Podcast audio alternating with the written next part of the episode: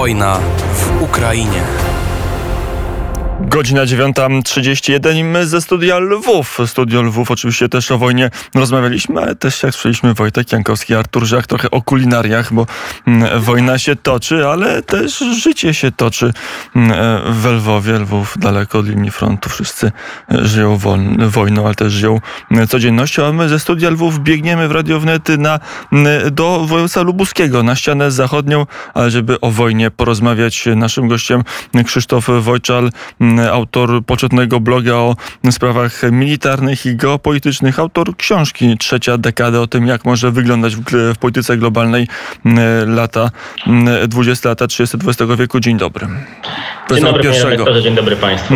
XXI wieku.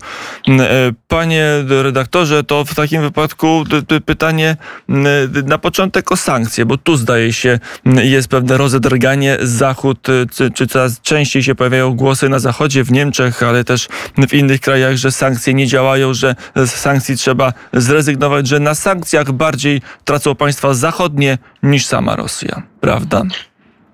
Nam się może tak wydawać, ponieważ my tu na Zachodzie jesteśmy i my te sankcje odczuwamy oczywiście po stronie zachodniej, głównie Niemcy, ale też e, czy też Austriacy, czy też nawet Francuzi. E, I również w Polsce u nas ceny paliwa też nie wzięły się mm, zupełnie znikąd.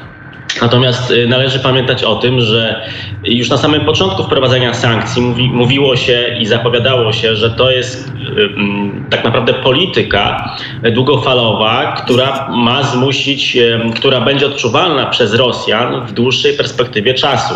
E, minęło w tej chwili no, no niecałe, no nawet, nawet, nawet nie pół roku, bo w zasadzie 4 czy 5 miesięcy tych sankcji i to jest jeszcze za krótko, zwłaszcza, że zapowiedzi e, są takie, czy plany są takie, żeby na przykład odciąć import e, rosyjskiej ropy o 90%, ale dopiero od grudnia.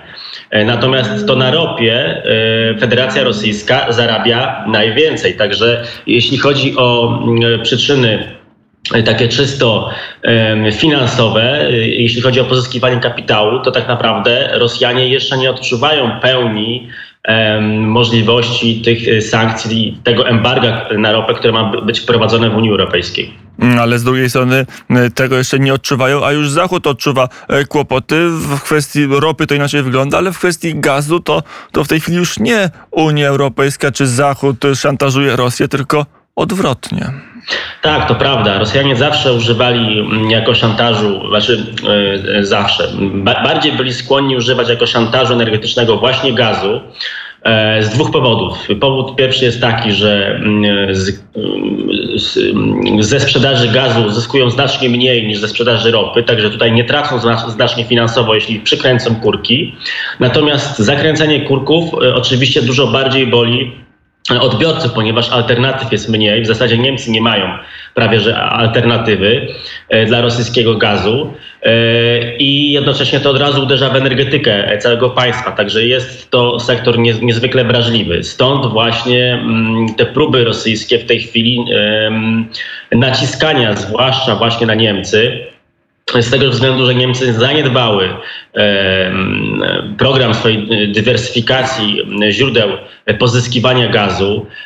Angela Merkel swojego czasu zablokowała e, inicjatywę, czy też taki projekt e, budowy gazociągu z Turkmenistanu przez Morze Kaspijskie.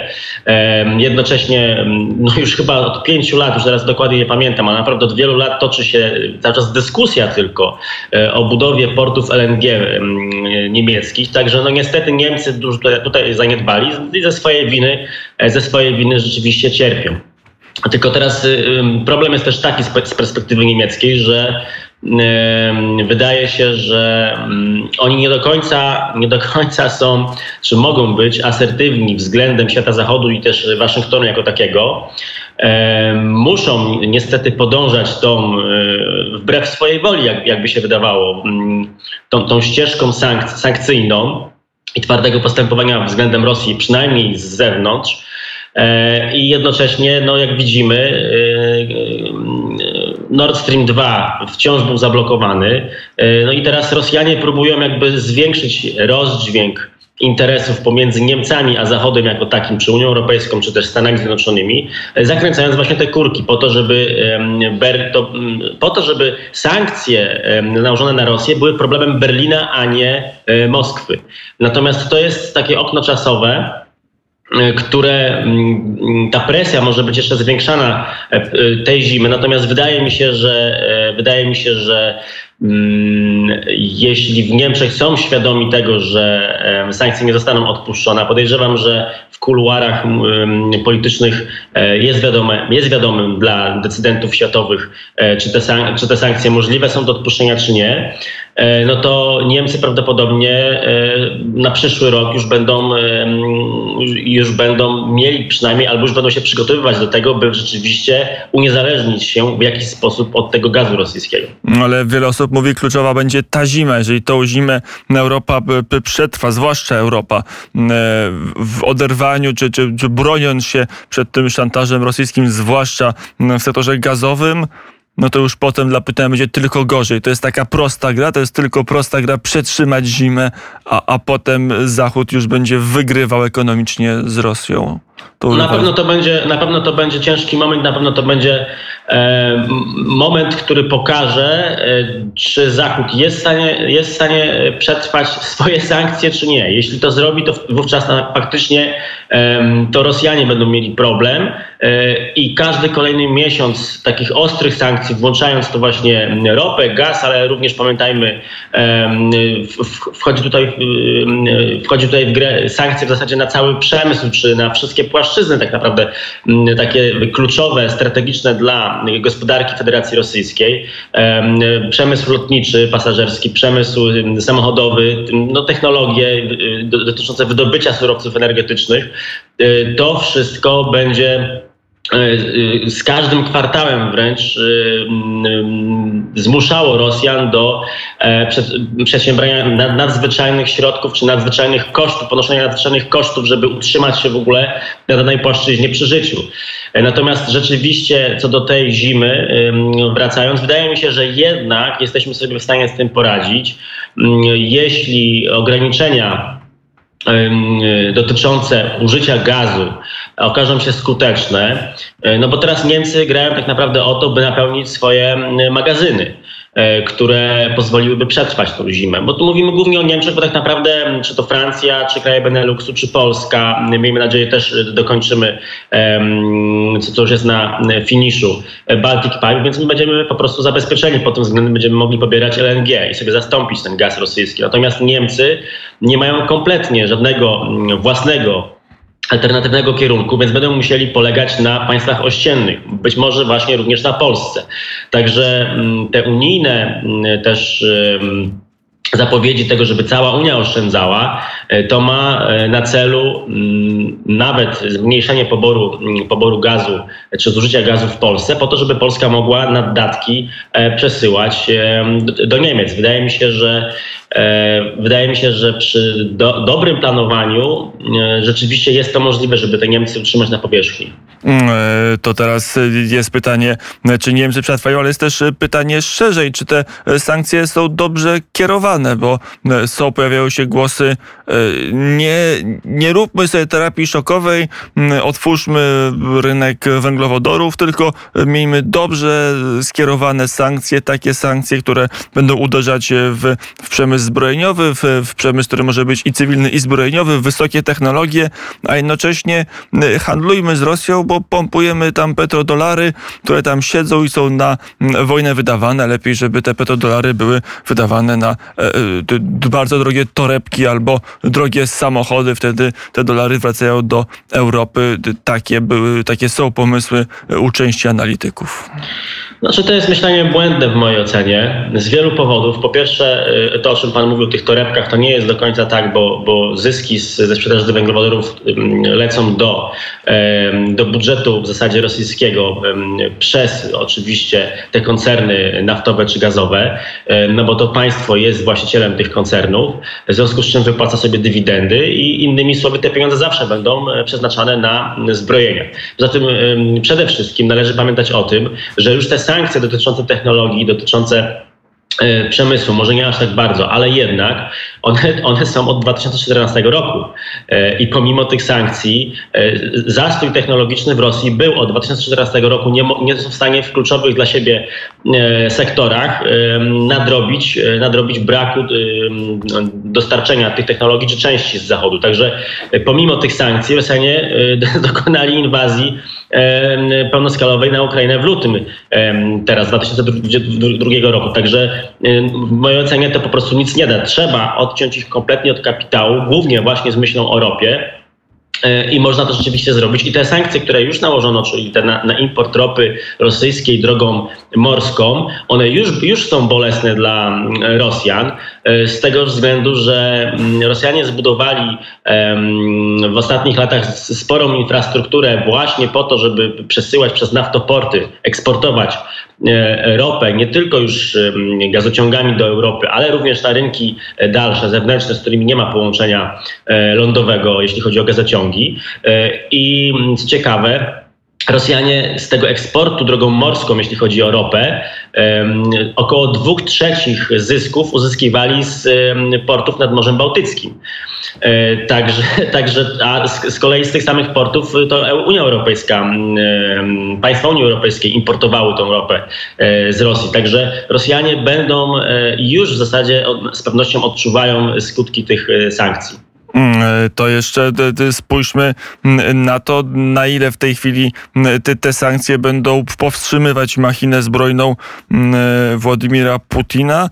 E, na ile jest tak, że ten zastój, bo tym też słowo zastój przy okazji inwestycji w najnowsze technologie zbrojeniowe, pan powiedział, zastój na linii frontu od dwóch, trzech tygodni, linia frontu się nie porusza. No i są pytania, pauza, e, techniczne przetasowanie wojsk, czy, czy może jest tak, że Rosja jest w poważnym kryzysie i, i już dalej nie pójdzie, że e, ta wojna ze strony agresywnych możliwości armii rosyjskiej właśnie się zakończyła na takich rubieżach, jakie teraz widzimy? Czy tak, są dwa wątki. Ten pierwszy gospodarczy jest, nie wiązałbym go, znaczy nie wiązałbym sankcji ze skutecznością Rosjan na polu bitwy. To to kompletnie nie ma przełożenia. Rosjanie korzystają z zasobów, które już posiadali, które, które wciąż posiadają I tutaj sankcje nie mają za, za wiele do, do, do, do czynienia. Nawet jeśli e, pieniędzy jest mniej, e, to i tak prowadzenie tej wojny, nawet na większą skalę, jeśli będzie potrzeba, Rosjanie będą w stanie przeprowadzić. Natomiast w zakresie już takich czystych militarnych argumentów, Trudno jest ocenić stan rosyjskiej armii i, i, jej potencjał do kontynuowania ofensywy, który zawsze oczywiście musi być duży, bo pamiętajmy, że ofensywa jednak wymaga i, i przejmowanie i posiadanie inicjatywy na polu bitwy wymaga e, aktywności, czyli podejmowania działalności ofensywnej, jednocześnie tracenia wielu środków, czy materiałów, czy amunicji, e, jak również siły żywej i sprzętu, bo obrońca ma tutaj jednak przewagę i może niszczyć e, łatwiej ten sprzęt, czy, czy też siły rosyjskie. Także jeśli Rosjanie w tej chwili stanęli, to mo mogą być przesłanki do tego, że rzeczywiście do, dotychczasowy zgromadzony potencjał do wojny z Ukrainą mógł się wyczerpać i potrzebują chwili na jego odbudowę. Natomiast co do takiego szerszego spojrzenia nie wrodziłbym sobie tutaj wielkich nadziei z tego względu, że no, tutaj wielu ekspertów analizując straty rosyjskie wskazuje, że te straty są tak wielkie, że Rosjanie nie będą w stanie walczyć z NATO przez następne 10 lat. No, ale Ukraina walczy samotnie. Ona, to, to, Ukraina to nie jest NATO, to jest znacznie słabsze państwo, które w tej chwili no, gospodarczo, ekonomicznie no, jest państwem podtrzymywanym tylko i wyłącznie na um, kroplówce Zachodu. E, jednocześnie ten sprzęt i straty po stronie ukraińskiej też są duże, a militarnie, jeśli porównujemy potencjały, to rosyjskie jest znacznie większe. Także Rosjanie są w stanie wygrać e, z, z Ukrainą. Czy tak się stanie? Bo oczywiście historia nam dostarczała przykładów, że e, znacznie um, słabsi, e, znacznie słabsi w postawie defensywnej potrafili się bronić przed tymi silniejszymi. Czy, czy tak będzie w tym przypadku, to trudno jeszcze stwierdzić. I ja bym przestrzegał przed takim hura optymizmem, że Rosjanie przegrywają, ponoszą takie straty, że nie będą w stanie kontynuować e, dalszej ofensywy.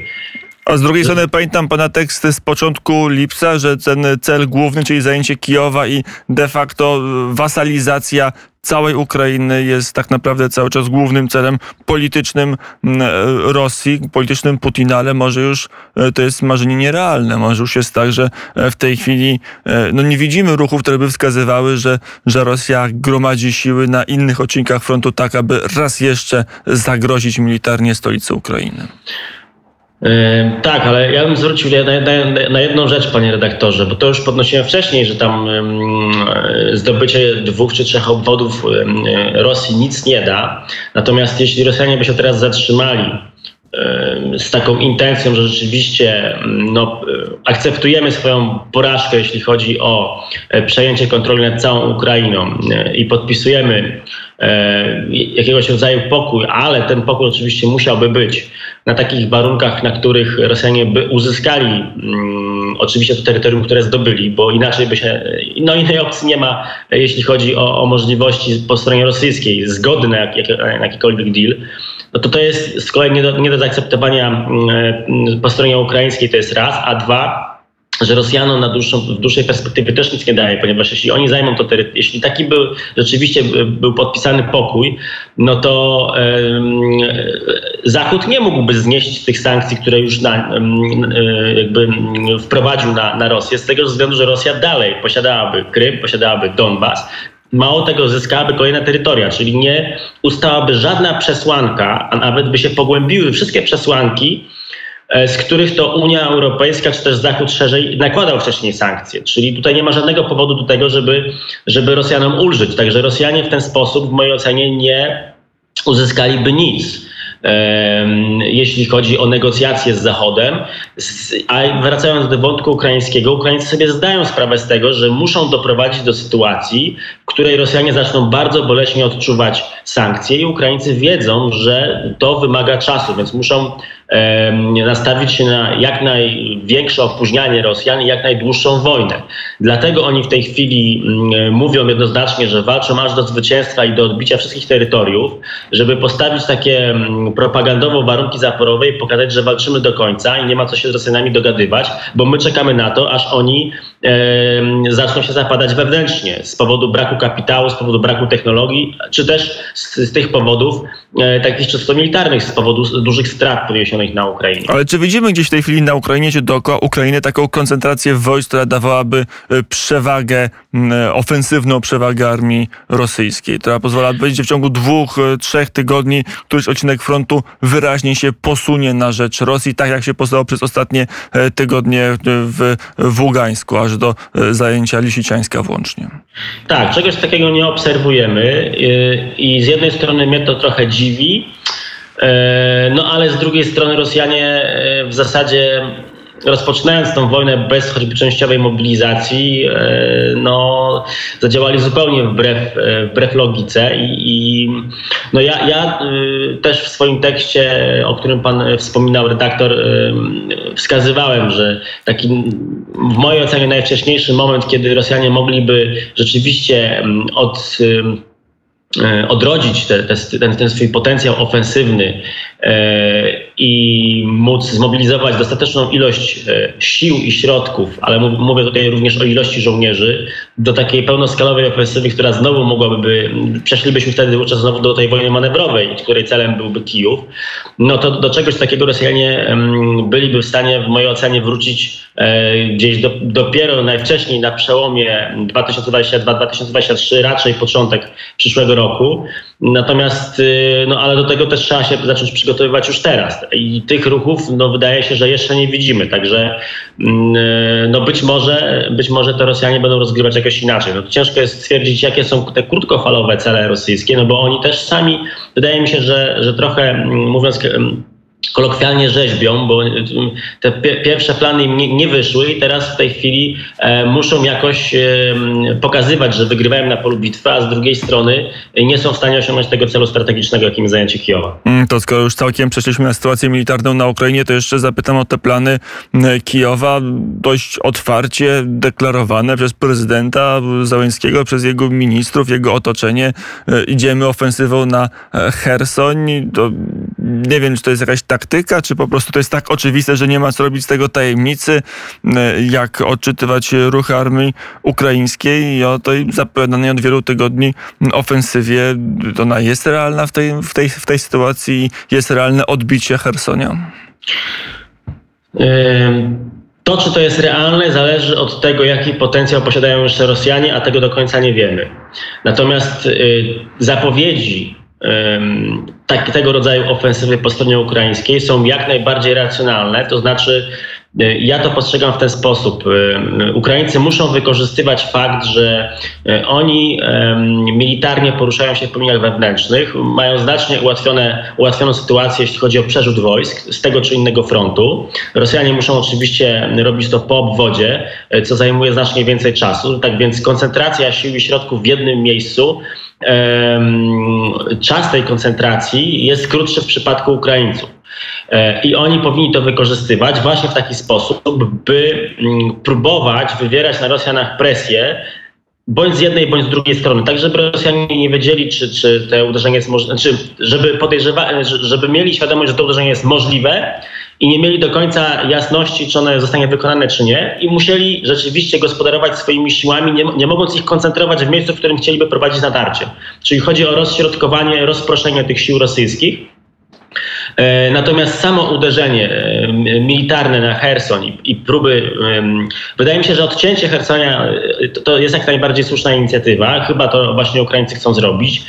Natomiast ja raczej bym skłaniał się do tego, żeby to miasto oblężać, a nie wdawać się w walki uliczne, ponieważ ofensywa ukraińska E, na jakimś odcinku, czy kontrofensywa, e, bardziej w skali strategicznej to nazywając, e, i wdanie się w takie walki nawet uliczne przy przewadze artyleryjskiej po stronie rosyjskiej może doprowadzić do olbrzymich strat po stronie ukraińskiej, bo ci, którzy atakują, jednak muszą formować jakieś kolumny marszowe, jednak muszą się gdzieś mobilizować już w zasięgu strzału wrogiego, tam koncentrować swoje siły, co naraża, e, co naraża na duże straty. I, i, i też e, sama ofensywa jednak e, wiąże się właśnie z ponoszeniem dużych strat. Natomiast ja uważam, że to, co najgorsze jeszcze jest przed Ukraińcami i oni nie mogą sobie teraz pozwolić na to, by stracić swój potencjał ofensywny, a jednocześnie kontrofensywny, czy też taki, bo pamiętajmy, że siły pancerne zmechanizowane bardzo dobrze nadają się również do obrony.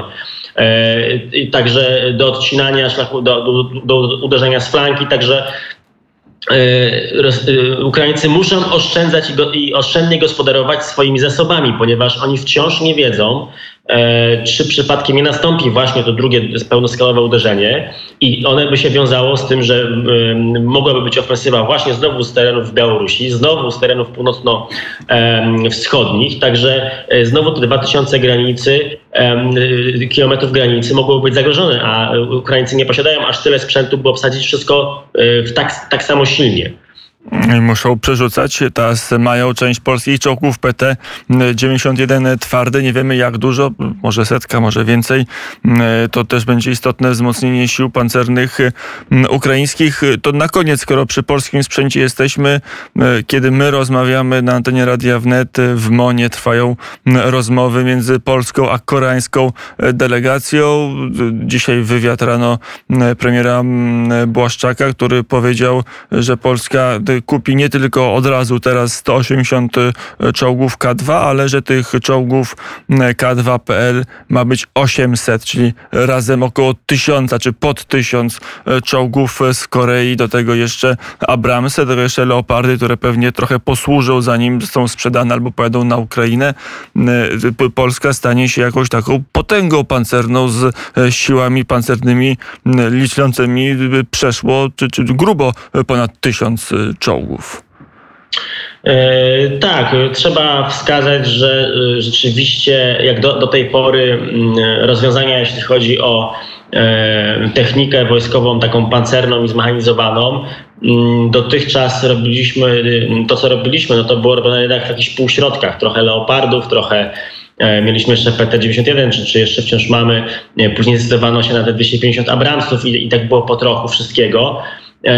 Natomiast teraz widać, że postawiono na taki wariant załatwienia e, kwestii e, produkcji sprzętu dla sił pancerno-zmechanizowanych całościowo z, ze stroną koreańską. E, i, i, nastawiamy się długofalowo na kilkadziesiąt przyszłych lat na to, by powoli ujednolicać, czy też no te Abramsy jeszcze zostaną te nowsze, ale w miarę ujednolicać ten E, ten swój sprzęt i, i, bazować już na właśnie e, produkcji, na, na, na, licencji koreańskiej tego sprzętu. No co do zasady, wydaje mi się, że, że to była decyzja, mm, że to jest decyzja jak najbardziej, kierunek jak najbardziej słuszny. E, tam można się spierać o technikalia, natomiast no, coś takiego można by było, coś takiego można by było podpisać 10 lat temu i dzisiaj nie mielibyśmy żadnego problemu, jeśli chodzi o siły, siły pancerne. Za dekadę polska armia będzie w jakim stanie i, i w zasadzie po co jest zbudowana? E, tak, jak, jak tak ocenić na 2032, 2035, e, to co słyszymy z MON, to, to, to co jak, jak, jak obserwujemy te zakupy, skłania do wniosku, że rzeczywiście będziemy budować tą armię liczniejszą. Być może rzeczywiście te sześć dywizji będzie. Przy czym wydaje mi się, że to będzie jedna dodatkowa, nowa zupełnie dywizja. Jedna będzie skonstruowana z, z sił już obecnych wzmocniona być może artyleria, jakiś sprzęt ciężki, a złożona z, z, z dotychczasowych brygad aeromobilnych. E, natomiast tak duża armia E, pomijam oczywiście dyskusję na temat kosztów, czy nas stać, czy nie, ale tak duża armia będzie nam potrzebna. Ona zresztą nie, nie jest taka wcale duża tak naprawdę, historycznie patrząc. No ale w porównaniu no, z niemiecką, czy, czy, czy, czy z innymi armiami europejskimi, no, jeżeli to będzie pod y, półtora tysiąca y, czołgów, to to będzie największa armia pancerna na starym kontynencie, z, z wyłączeniem Rosji.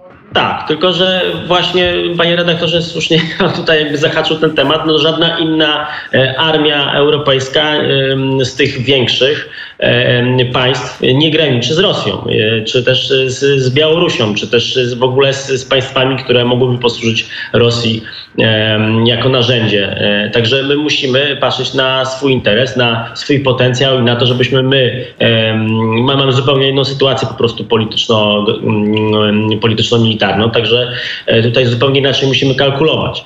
Także tak duża armia będzie nam potrzebna, zwłaszcza, że w mojej ocenie w ciągu 10 lat lat jest bardzo możliwa zapaść rosyjska, wewnętrzna e, i może powstać bardzo duży chaos na pograniczach Rosji, co będzie wymagało e, od nas siły militarnej po to, by gwarantować ościennym państwom bezpieczeństwo, a to mogłoby się przełożyć na bardzo silną walutę polityczną, dzięki czemu moglibyśmy coś tutaj w naszym regionie e, Europy budować. Ta armia nam się przyda. Ona jest budowana po to, żeby nie tylko odstraszać, jak mówią politycy, ale po to, żeby ją wykorzystać, ile dobrze Tak, rozumiem. ona będzie na pewno w mojej ocenie naszym politycznym, jednym z naszych najsilniejszych politycznych argumentów w przyszłości. Mm, powiedział Krzysztof Wojczal, mm, autor bloga o geopolityce i polityce zagranicznej, także obronnościowej, czy w szczególności obronnościowej, autor książki Trzecia dekada. Dziękuję bardzo za rozmowę. Dziękuję za zaproszenie. Do zobaczenia, do usłyszenia. Wzięliśmy się i słyszeliśmy się, a my teraz za chwilę usłyszymy wiadomości e, w net, bo za chwilę wybije godzina 10. Ja także mówię do usłyszenia. Wojna w Ukrainie.